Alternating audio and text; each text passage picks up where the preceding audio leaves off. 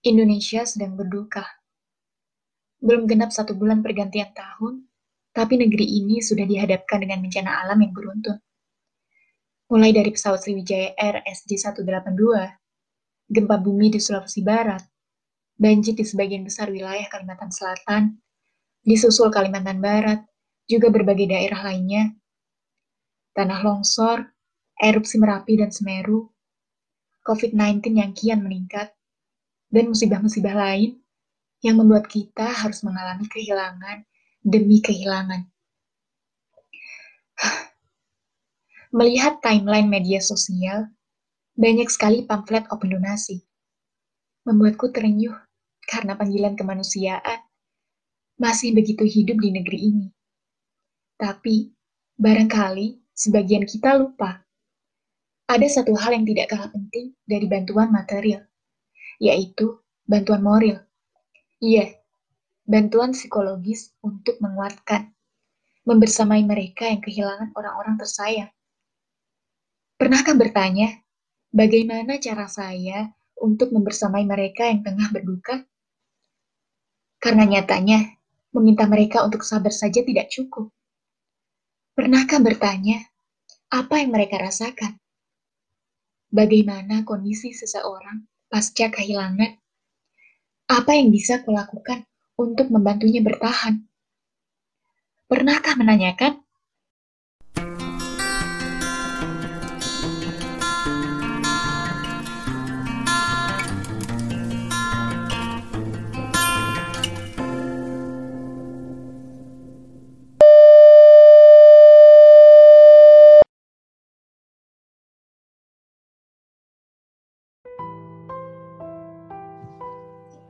Hai, Assalamualaikum warahmatullahi wabarakatuh. Halo teman-teman, para pendengar podcast Curhatan Psikologi, ya akhirnya kita bertemu lagi. Sebelumnya aku ucapkan terima kasih banyak sudah mendengarkan. Bertemu lagi dengan saya, Dia Fatimah Zahra. Bagaimana teman-teman? Apa kabarnya? Semoga teman-teman semuanya selalu dalam keadaan baik, sehat jasmani maupun rohani selalu bahagia ya meskipun mungkin banyak uh, setahun belakangan ini kita melewati banyak ujian atau peristiwa-peristiwa yang tidak sesuai dengan rencana mungkin gitu. Semoga hal itu tidak menyurutkan semangat kita dan semoga kita memperoleh banyak pelajaran dari hal-hal yang telah lalu dan apa yang sedang kita hadapi saat ini. Oke teman-teman, pada podcast kali ini aku akan bicara tentang apa coba? Tentang kehilangan gitu. Kehilangan dalam perspektif psikologi. Jadi aku ingin menjawab apa yang sudah aku apa yang sudah menjadi pertanyaan di prolog sebelumnya gitu di mana aku akan menjawab terkait apa sih yang sebetulnya dialami oleh seseorang yang sedang mengalami kehilangan atau kedukaan gitu. Bagaimana kondisi fisiologisnya, bagaimana kondisi psikologisnya gitu dan uh, terkait recovery pasca kehilangan seperti itu atau dan tahapan-tahapan yang umumnya dilalui oleh orang yang sedang dalam kedukaan. Kemudian yang kedua, yang mungkin ini juga banyak di apa ya ditunggu-tunggu atau sesuatu yang ingin dimengerti oleh banyak orang gitu ya. Itu terkait bagaimana cara kita untuk membersamai orang yang kita sayangi atau orang-orang sekeliling kita yang sedang mengalami kedukaan atau kehilangan gitu. Bagaimana kita menjadi support system yang baik buat dia itu bagaimana caranya? Seperti itu. Nah di sini kita sama-sama belajar dan aku akan membahasnya Oke teman-teman, aku akan memulai pembahasan pada malam hari ini dengan sebuah cerita. Mungkin teman-teman sudah familiar dengan cerita ini, tapi nggak ada salahnya kalau aku menceritakan ulang gitu tentang cerita ini. Jadi aku mengambil salah satu contoh kasus, eh contoh cerita yang di banyak diberitakan oleh media, yaitu tentang salah satu korban pesawat Sriwijaya Air. Nah, aku ingin menceritakan tentang cerita seorang bapak gitu, seorang bapak keluarga dari korban pesawat Sriwijaya Air, di mana beliau itu seorang perantau di Kalimantan dan beliau sebetulnya menetap di Jakarta, di mana beliau itu pada sore hari itu itu menunggu kedatangan istri dan ketiga anaknya di Bandara Pontianak. Beliau sudah beberapa waktu menunggu, tapi tidak kunjung datang. Yang ditunggu tidak kunjung datang. Lalu istri dan ketiga anak saya kok nggak datang-datang, kok nggak landing-landing, itu ke mana ya gitu. Sampai akhirnya bapak ini tahu bahwa istri dan ketiga anaknya ini adalah salah satu penumpang pesawat Sriwijaya Air yang jatuh.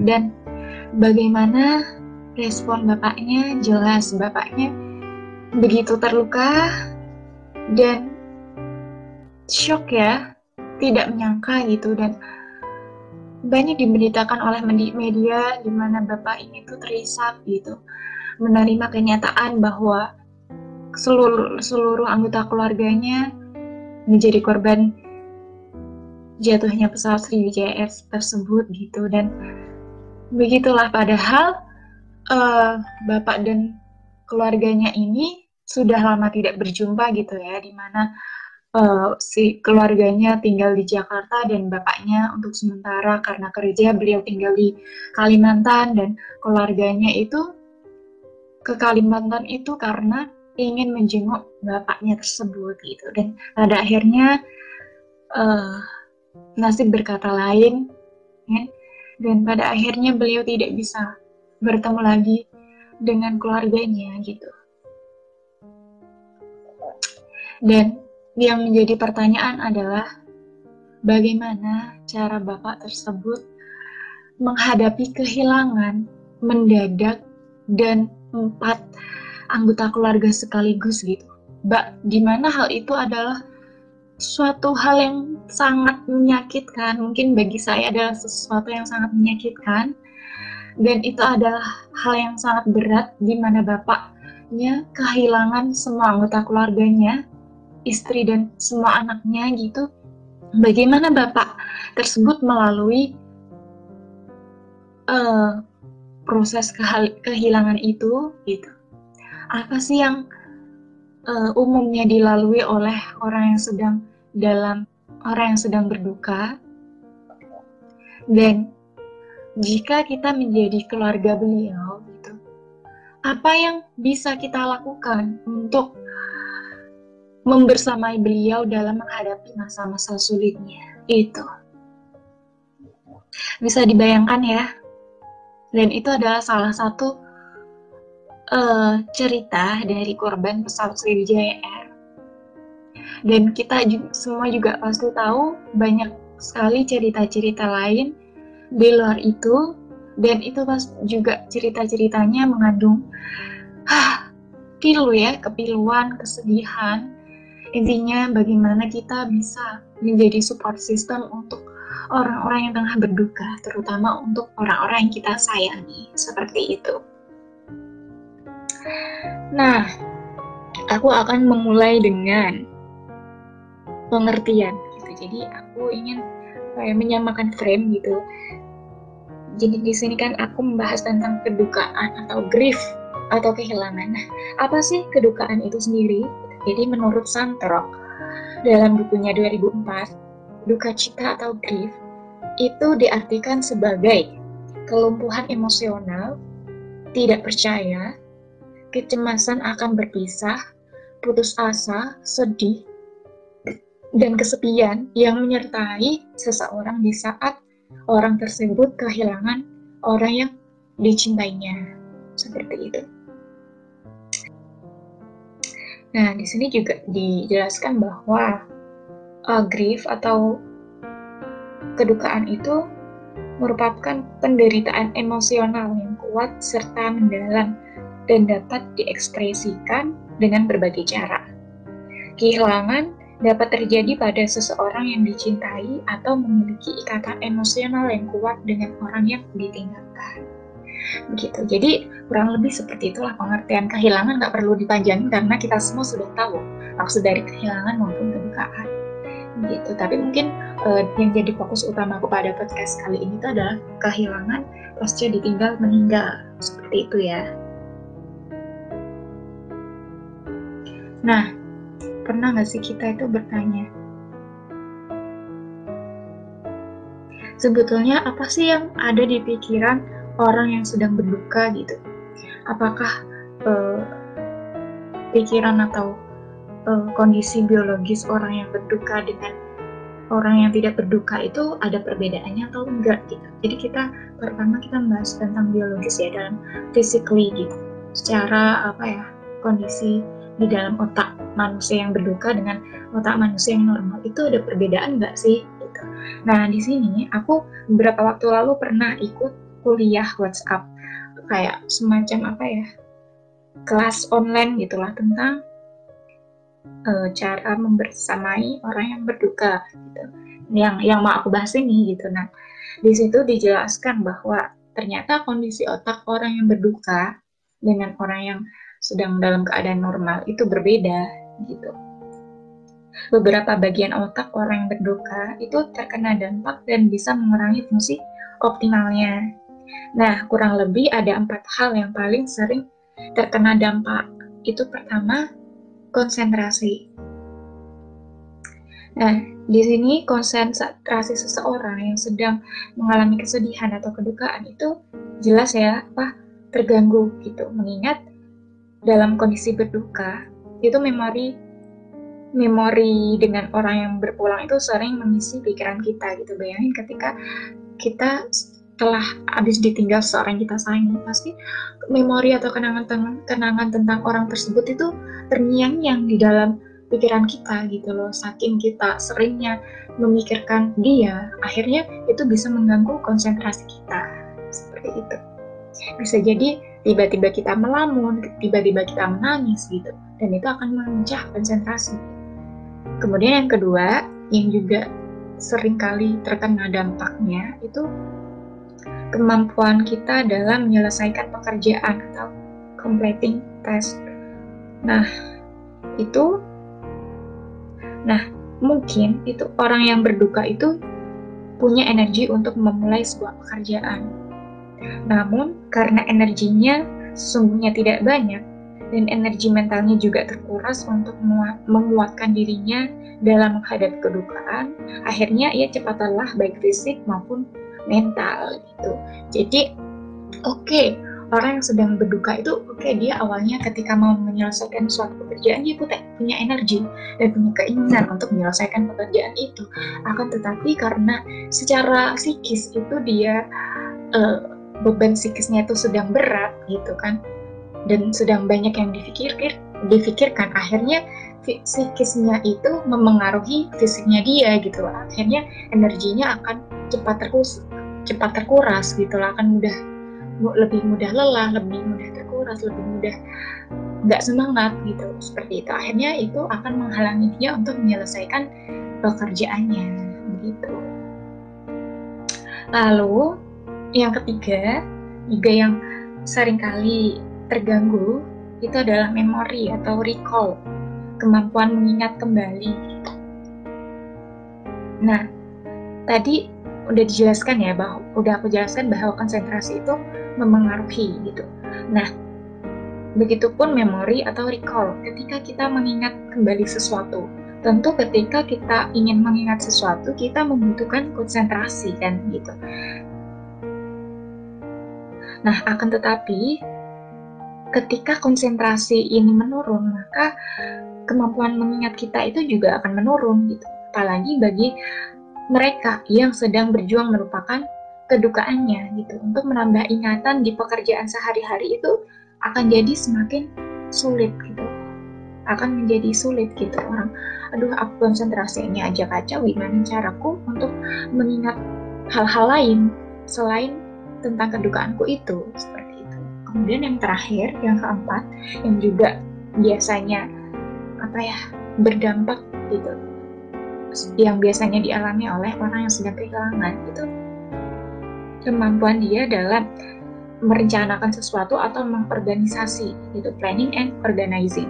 Itu uh, agak keteteran gitu. Jangankan memulai pekerjaan kadang orang yang berduka itu juga kalau ditanya rencananya ke depan seperti apa gitu. Untuk menjawab itu aja sulit gitu loh karena masih yang pikirannya masih yang acak-acakan gitu loh. Apalagi kalau ditanya kapan mau mulai kerja lagi atau kapan mau melanjutkan studi lagi gitu. mungkin dia akan menjawab tapi juga apa ya masih yang bingung seperti itu Nah, di sini itu sebetulnya ini ada gambar ya, gambar yang memperlihatkan bahwa ternyata kondisi otaknya orang yang berduka dengan orang yang dalam keadaan normal itu berbeda gitu. Jadi kalau orang yang dalam keadaan normal itu kondisi otaknya itu masih yang apa ya, masih yang pada porsinya gitu loh. Oh, ada yang punya fungsi untuk mengingat, ada yang berfungsi untuk apa menangkap konsentrasi gitu dan tidak terbelah-belah kan. Tetapi kalau di sini kalau orang yang sedang berduka itu semua fungsi otaknya itu nyampur jadi satu gitu loh. Jadi kayak aduh iki apa? gitu loh. Aduh kalau di sini ada ada ini sih ada gambarnya sih susah menjelaskannya. Jadi kalau kayak segala sesuatu tuh kayak jadi satu kayak semrawutan gitu loh.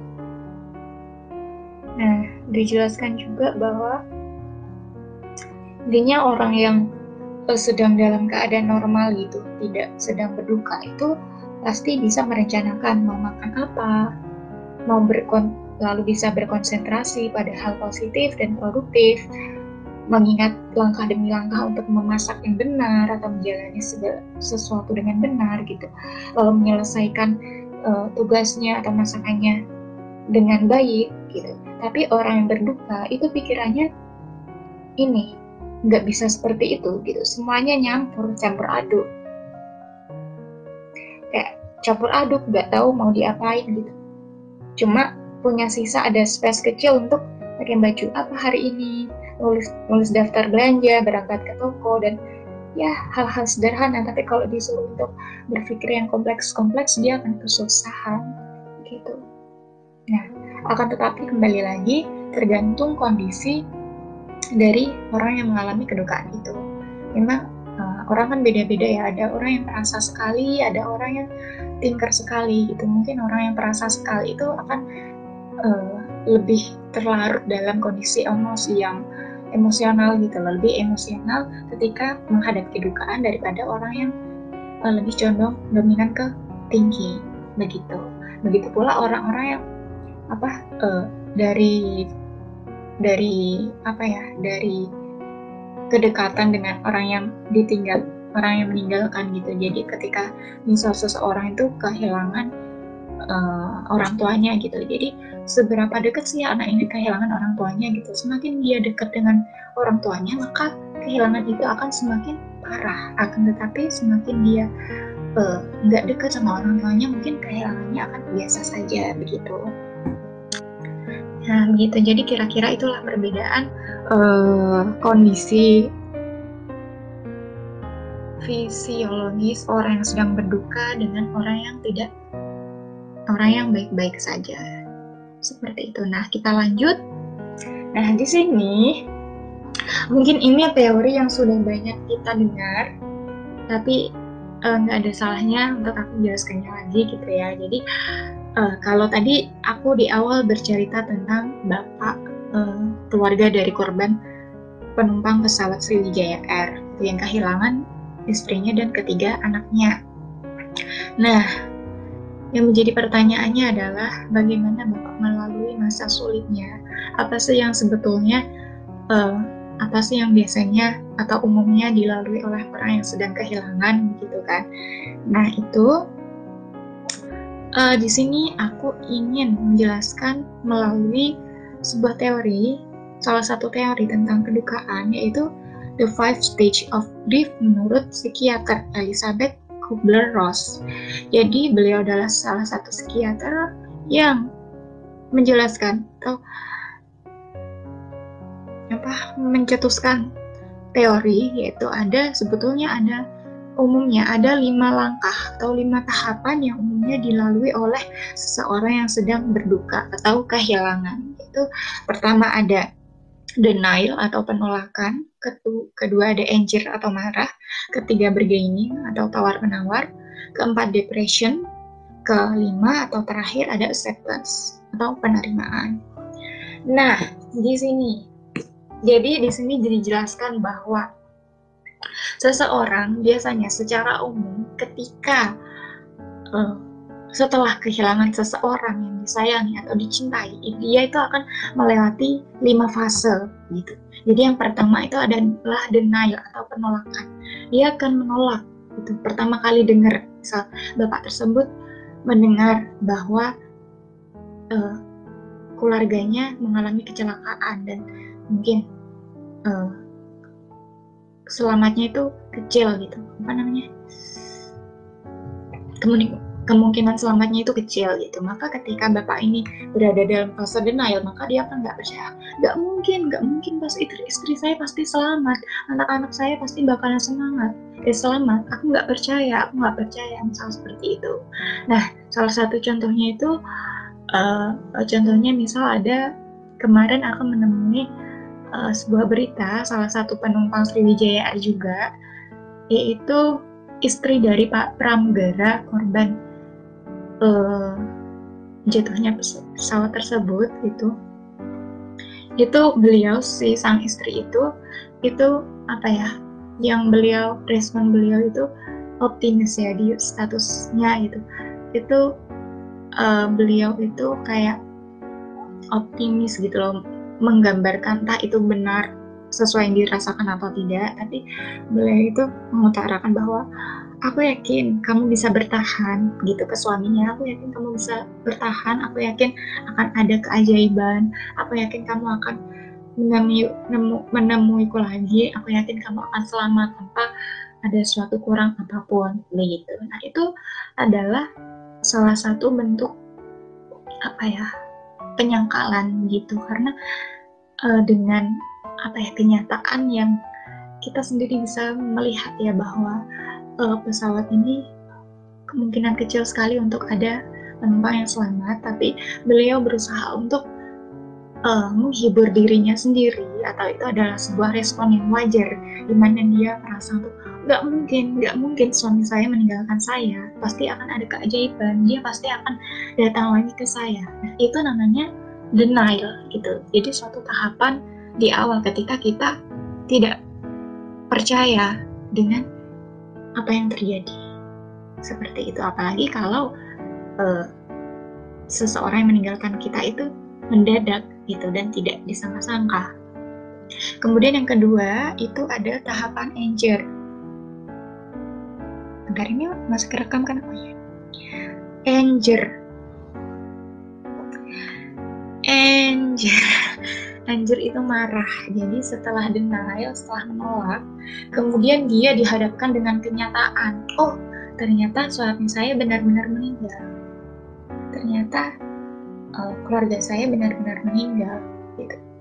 Pasti ada kalanya seseorang itu melewati fase anger dulu marah gitu nggak terima dengan keadaan. Kok bisa meninggal? Kok bisa? Kok bisa nggak bi aku nggak mau kamu jahat kenapa ninggalin aku misal. Ya Allah kenapa engkau uh, kenapa harus orang tuaku yang engkau ambil? Kenapa harus suami saya yang engkau ambil? Ya Allah ini nggak ada ya Allah misal. Misal kalau seseorang melewati fase seperti itu gitu. Entah marah sama Tuhan atau marah sama keadaan atau marah sama dirinya sendiri karena mungkin dia tidak ada di saat-saat terakhir uh, ketika orang tersebut sebelum meninggal gitu. Kalau dia sedang berada di fase marah, maka itu dia melewati tahapan kedua, yaitu fase anger. Dan itu adalah suatu gitu. Nah, selanjutnya, setelah seseorang mengalami fase anger, maka dia akan ke tahap ketiga, yaitu bergaining atau tawar-menawar.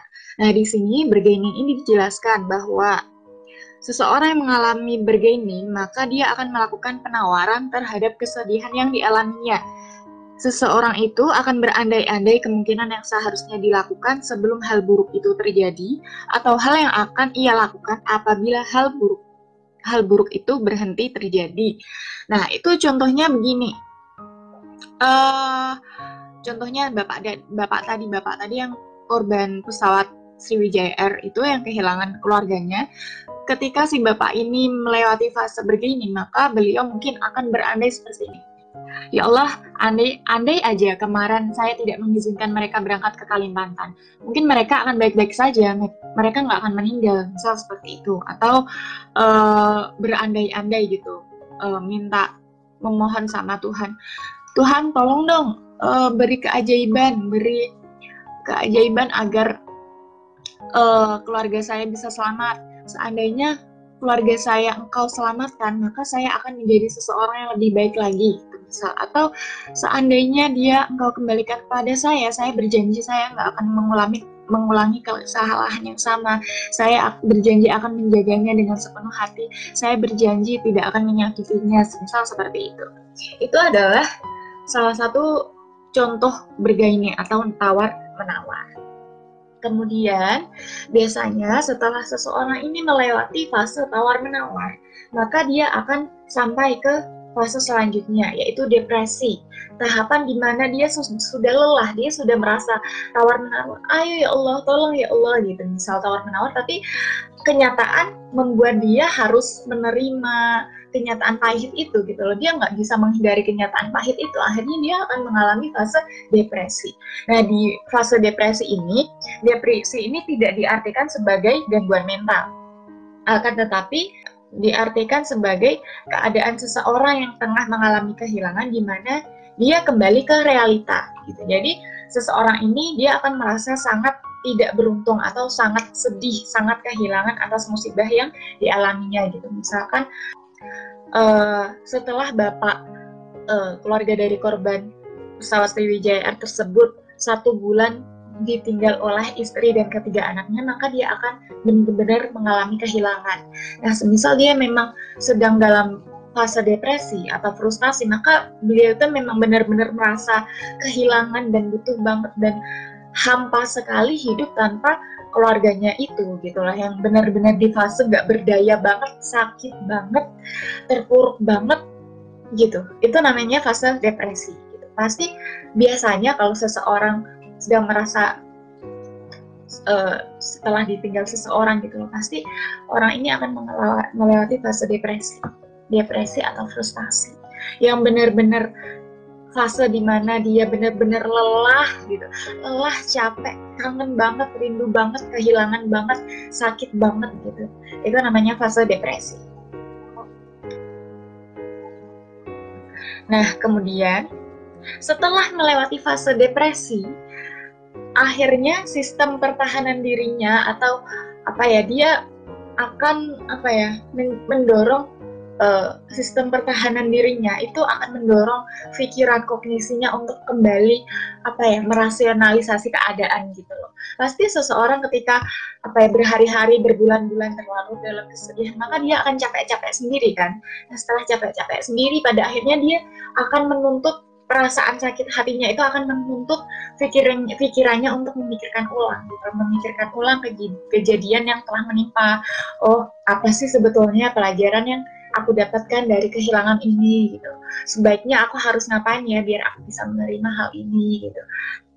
Apakah uh, baik kalau aku seperti ini terus? Apakah aku sanggup jika aku terlalu terlalu dalam ke kepedihan ini? Apa yang harus aku lakukan biar aku bisa keluar dari zona kepedihan ini gitu. Nah, setelah itu maka dia akan berangsur-angsur dia akan mencoba untuk menguatkan dirinya kembali. Gitu. Jadi biasanya setelah seseorang melalui fase frustasi atau depresi ini, maka dia akan sampai ke tahapan terakhir yaitu fase acceptance atau penerimaan gitu. Nah, pada tahap penerimaan ini, seseorang ini akan menyadari bahwa yang hilang tidak akan dapat kembali lagi. Gitu. Jadi dia benar sudah benar-benar menyadari oh iya uh, keluarga saya sudah meninggal, keluarga saya sudah tidak ada dan ini adalah takdir dari Tuhan. Saya harus menerimanya. Gitu. Nah, seseorang ini akan sadar bahwa ia harus melaluinya dan belajar atas musibah yang menimpanya. Dan ia juga tetap harus melanjutkan hidupnya dengan baik. Gitu.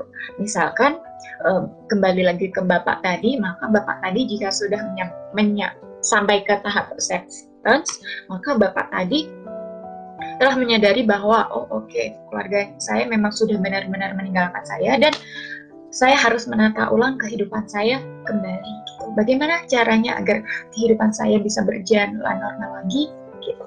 Jadi uh, tahap acceptance adalah tahap di mana kita sudah bisa menerima dan sudah bisa berdamai dengan rasa sakit yang kita rasakan gitu meskipun mungkin di tahap acceptance ini rasa sakit akan tetap ada rasa rindu akan tetap ada gitu. Ketika kita apa ya mengenang kenangan tentang orang kita sayangi orang yang kita meninggalkan kita pasti rasa rindu atau rasa sakit akan tetap ada. Tapi e, cara kita menyikapi atau cara kita apa ya cara cara hati kita merangkul rasa sakitnya itu sudah beda jadi sudah bisa mengikhlaskan sudah bisa apa ya berpikir dengan lebih bijaksana gitu seperti itu nah itulah teman-teman kelima tahapan yang umumnya dilalui oleh orang yang sedang berduka atau kehilangan.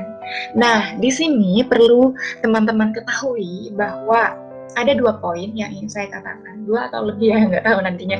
Pertama, itu bahwa tidak semua orang yang tengah berduka itu pasti akan mengalami stage of grief atau dalam jadi poin pertama itu kita perlu memahami bahwa tidak semua orang yang tengah berduka itu mengalami kelima tahapan yang sudah saya jelaskan sebelumnya itu dalam urutan yang sama gitu. Jadi eh, kelima urutan tahapan tadi itu nggak melulu sama gitu loh. Setiap orang tuh beda gitu. Kedua, bahwa kedukaan itu adalah suatu hal yang berbeda-beda pada setiap orang gitu. Jadi respon dari kedukaan itu sifatnya sangat subjektif ya teman-teman. Bisa saja bisa saja si A ini berada dalam proses bergaining pada satu hari, lalu kembali menyangkal pada hari berikutnya. Jadi bisa jadi seseorang ini uh, awalnya setelah ada di fase ketiga yaitu bergaining, nanti terus pindah lagi ke fase anger lagi. Harusnya kan bergaining terus uh, frustasi. Tapi dia abis dari bergaining terus anger terus deny lagi atau dari bergaining langsung ke tahap acceptance. Itu bisa aja gitu jadi urutannya nggak harus berurutan seperti itu. Acak juga bisa. Karena apa? Karena yang namanya perasaan setiap orang itu sifatnya subjektif seperti itu. Kemudian poin yang kedua. Nah hal yang juga tidak kalah penting adalah bahwa kita harus benar-benar memahami bahwa segala sesuatu yang misalnya kita merasakan kesedihan atau kesakitan, kalau kita benar-benar merasa nggak kuat gitu, merasakan itu sendirian, maka jangan dipendam gitu. Ceritakan ke orang yang kamu percaya, biar uh, emosi negatif yang kita rasakan itu bisa sedikit terobati dengan cara meluapkan ke orang lain seperti itu. Nah, ungkapkan kesedihan kamu dengan orang-orang terdekat atau psikolog atau mintalah bantuan profesional gitu. Terutama ketika kamu merasa sangat stres dan tidak berdaya. Nah, dengan ini, dengan itu, ketika kamu sudah berhasil mengungkapkan atau sharing kesedihanmu ke orang lain, maka kedukaan yang kamu alami itu tidak akan berlarut-larut dan kamu akan berangsur-angsur menerima kenyataan agar dapat kembali menata masa depan dengan perasaan yang lebih ringan. Seperti itu teman-teman. Jadi perlu apa ya? Perlu diketahui bahwa yang namanya proses menerima suatu kehilangan atau proses menyembuhkan patah hati gitu. Itu adalah suatu proses yang panjang. Entah panjang atau pendek itu tergantung seseorang ya, tergantung orang yang mengalami akan tetapi kita perlu tahu bahwa semua itu butuh proses gitu. Butuh proses dan butuh waktu untuk sembuh. Kita butuh keber kita perlu perlu keberan, keberanian untuk menghadapi gitu. Jadi ketika kita merasa sakit itu jangan dilawan rasa sakitnya tapi diterima di uh, dinikmati prosesnya gitu. Dinikmati setiap perasaan setiap rasa jengkel setiap rasa kesal rasa lelah yang kita rasakan ketika kita kehilangan seseorang. Dirasakan aja dipahami bahwa itu adalah bagian dari proses penyembuhan begitu. Jangan terlalu keras dengan diri sendiri jangan terlalu menuntut diri sendiri untuk sembuh lebih cepat gitu. Semisal kita memasang deadline, oke okay, aku kehilangan seseorang di bulan Januari, maka di bulan April aku sudah harus melupakan dia atau aku sudah harus move on dari dia.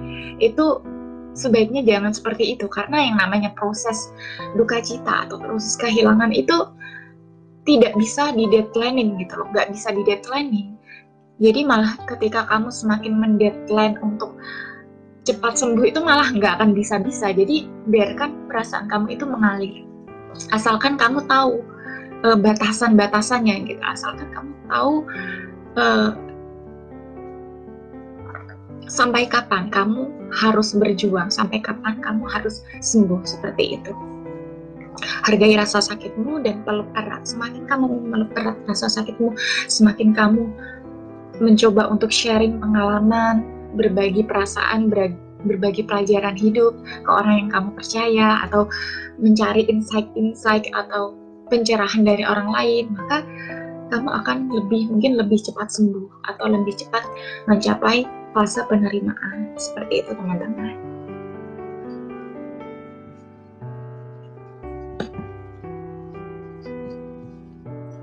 Hai, Assalamualaikum warahmatullahi wabarakatuh.